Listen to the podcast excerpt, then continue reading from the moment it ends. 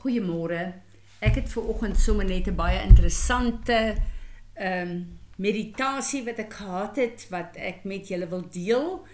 Uh ja, dis my altyd so lekker is ons getrek word na 'n plek waar ons dieper moet moet uh, kyk na die woord en die Here moet vertrou om vir ons uh, sekere goed 'n openbaring van te gee.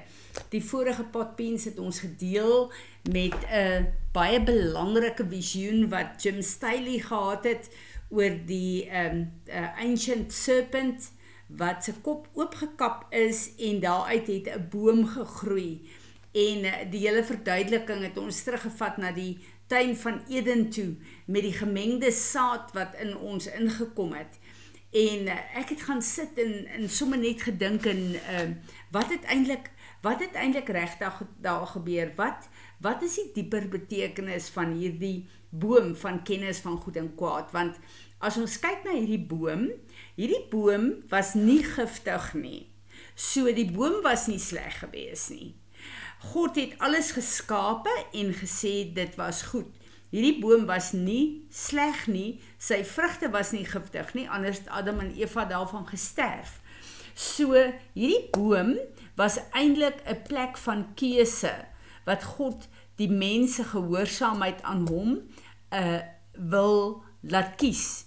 Anders was ons robots wat God geprogrammeer het en in die tuin gesit het waar alles perfek was om die aarde te bewerk en uh ons sou outomaties alles gedoen het wat God gesê het. Maar God het vir Adam en Eva, vir ons as mense 'n vrye keuse gegee om te kies wat ons wil doen en wat nie. Maar uh hoe sou die mens geweet het hy het 'n keuse? Daardie boom wat God gesê het, al hierdie bome mag julle eet en kom ek lees dit weer vir ons. Genesis 2 vers 16 en 17. En die Here God het aan die mens bevel gegee en gesê: Van al die bome van die tuin mag jy eet, maar die boom van kennis van goed en kwaad, daarvan mag jy nie eet nie, want die dag as jy daarvan eet, eh, sal jy sekerlik sterwe. Nou die boom is vir my baie baie interessant want hierdie boom is eintlik 'n profetiese keuse wat hulle gehad het, 'n toets van hulle gehoorsaamheid aan God en die keuse wat hulle gemaak het, het die vermoë gehad om kwaad in hulle lewe in te bring want hulle het nie geweet wat kwaad was nie. Maar die groot uh toets was eintlik waaroor dit gegaan het. Gaan jy God gehoorsaam of gaan jy aan God ongehoorsaam wees? Gaan jy God se wil doen of gaan jy uh jou eie wil doen? So hierdie boom was nie die probleem gewees nie. Die boom was 'n keuse Dis die man wat die probleem was. Daarom het God na die sondeval gesê, hy vervloek die die uh, grond oor Adam se sonde. Nie oor die boom nie, dis oor Adam se sonde, dis oor die mens se sonde. En uh wanneer ons kyk na hierdie hele plek van van keuse, uh die mens het alles gehad. Ons het alles gekry in oorvloed, maar daar was een plek waar God gesê het, Hier is 'n plek waar jy moet kies. As jy uh nie doen wat ek sê nie, as jy onge as jy uh nie doen wat ek sê nie, dan is jy ongehoorsaam. Ongehoorsaamheid aan God is sonde. Dis die plek waar die eerste sonde ingekom het. So die Here het vir die mens die keuse gegee. Gaan jy my dien of gaan jy sonde wat die vyand is dien? Nou weet ons dat uh die skepping van Genesis is eintlik 'n herskepping want nadat God vir Lucifer as ons kyk na Lukas uit die hemel uitgewerp het met 'n derde van die engele wat hom gevolg het in rebellie dan weet ons hy het op die aarde was reeds geskape want hy het op die aarde geland.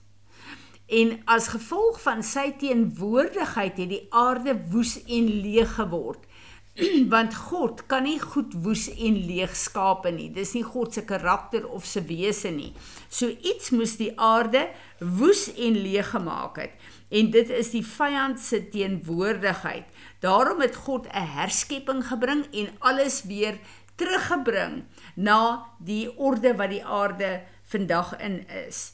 En as ons hierna kyk, dan weet ons dat die vyand was op die aarde teenwoordig geweest toe Adam en Eva in die tuin was, nê. Nee. So ehm um, die vyand het saad van ongeregtigheid. God het saad van geregtigheid.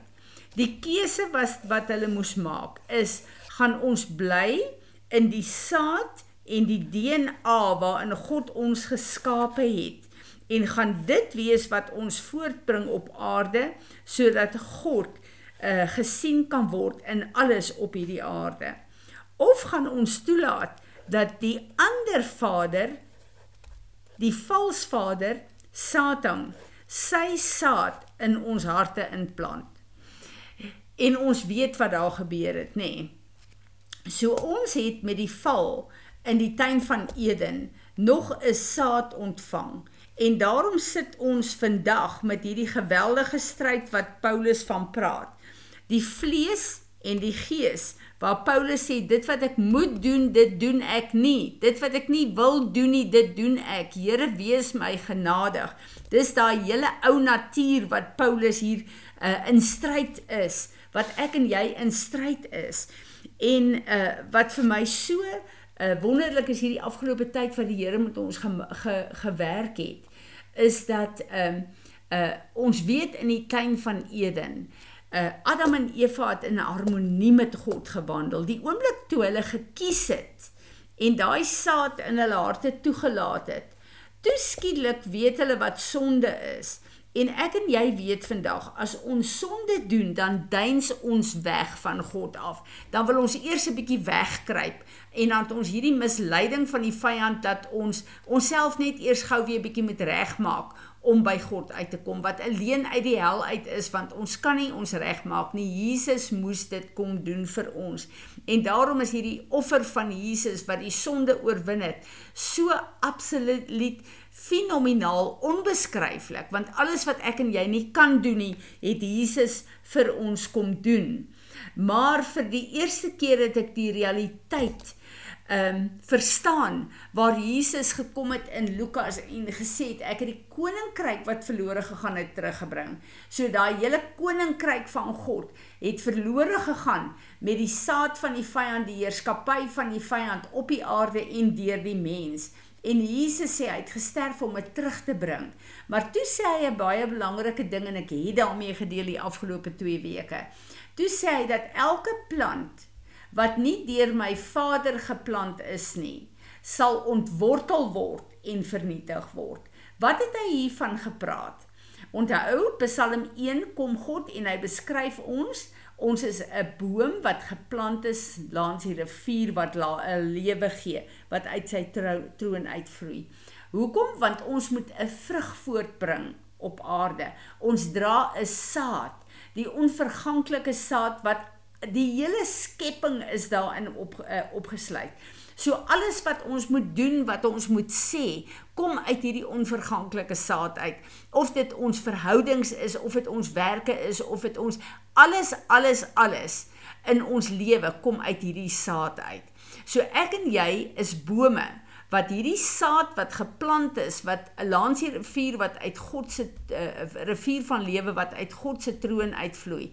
Dit is die water wat ons kry wat die woord is, wat die saad wat Jesus is, die skepping is, wat dit alles in ons moet nat maak en laat ontkiem en laat groei. Daarom die oomblik as ek en jy wedergebore is en Heilige Gees in ons lewe, dan kom Galasiërs 5 vers uh, eh, 20 in werking, die vrug van Heilige Gees, die vrug van God, die vrug van hierdie ware saad en ons weet wat is die vrug van die gees. Dit moet op aarde gesien word dat mense dit kan eet en dat dit kan uh, vermenigvuldig.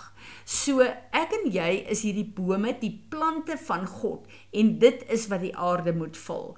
Maar nou is hierdie saad wat ingekom het deur die sondeval wat ek en jy geërf het ook Hierdie saad is 'n gemengde saad in ons lewe. En daarom wanneer ek en jy Jesus aanneem met ons die uh voorreg om te deel met hierdie saad. Maar die Here vat ons na 'n dieper dimensie toe. Want kyk na die vrug in my en jou lewe. Is dit suiwer, die vrug van Heilige Gees? Galasiërs 5 vers 20 wys wat is die vrug van Heilige Gees? Of is dit Galasiërs 5 vers 19 wat die vrug van die vyand vir ons wys? Wat is daar wat in ons lewe is? En dit is wat Jesus bedoel het. Hoe ontwortel ons hierdie verkeerde saad, hierdie verkeerde plante? Ons kom voor God en ons kom bely dit. Ons kom uh buig ons neer voor hom en ons sê vir hom Here, ons sien hierdie saad. Ons sien hierdie vrug in ons lewe. Asseblief help ons. Kom kom ontwortel hierdie bome en uh vernietig dit met u vuur. Ek wil net die vrug van u gees in my lewe hê.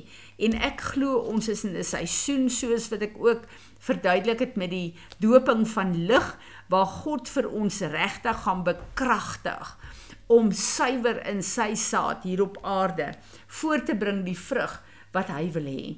En ons moet onthou dat vlees en gees net soos die boom van die begin in die tuin is 'n keuse.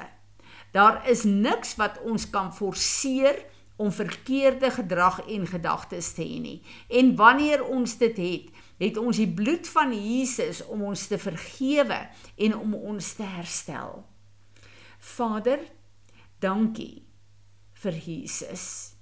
Jesus, dankie dat U die sonde oorwin het en daarom kan die verkeerde plante in my lewe uitgetrek word en daarom kan die besmetting in my lewe weggewas word.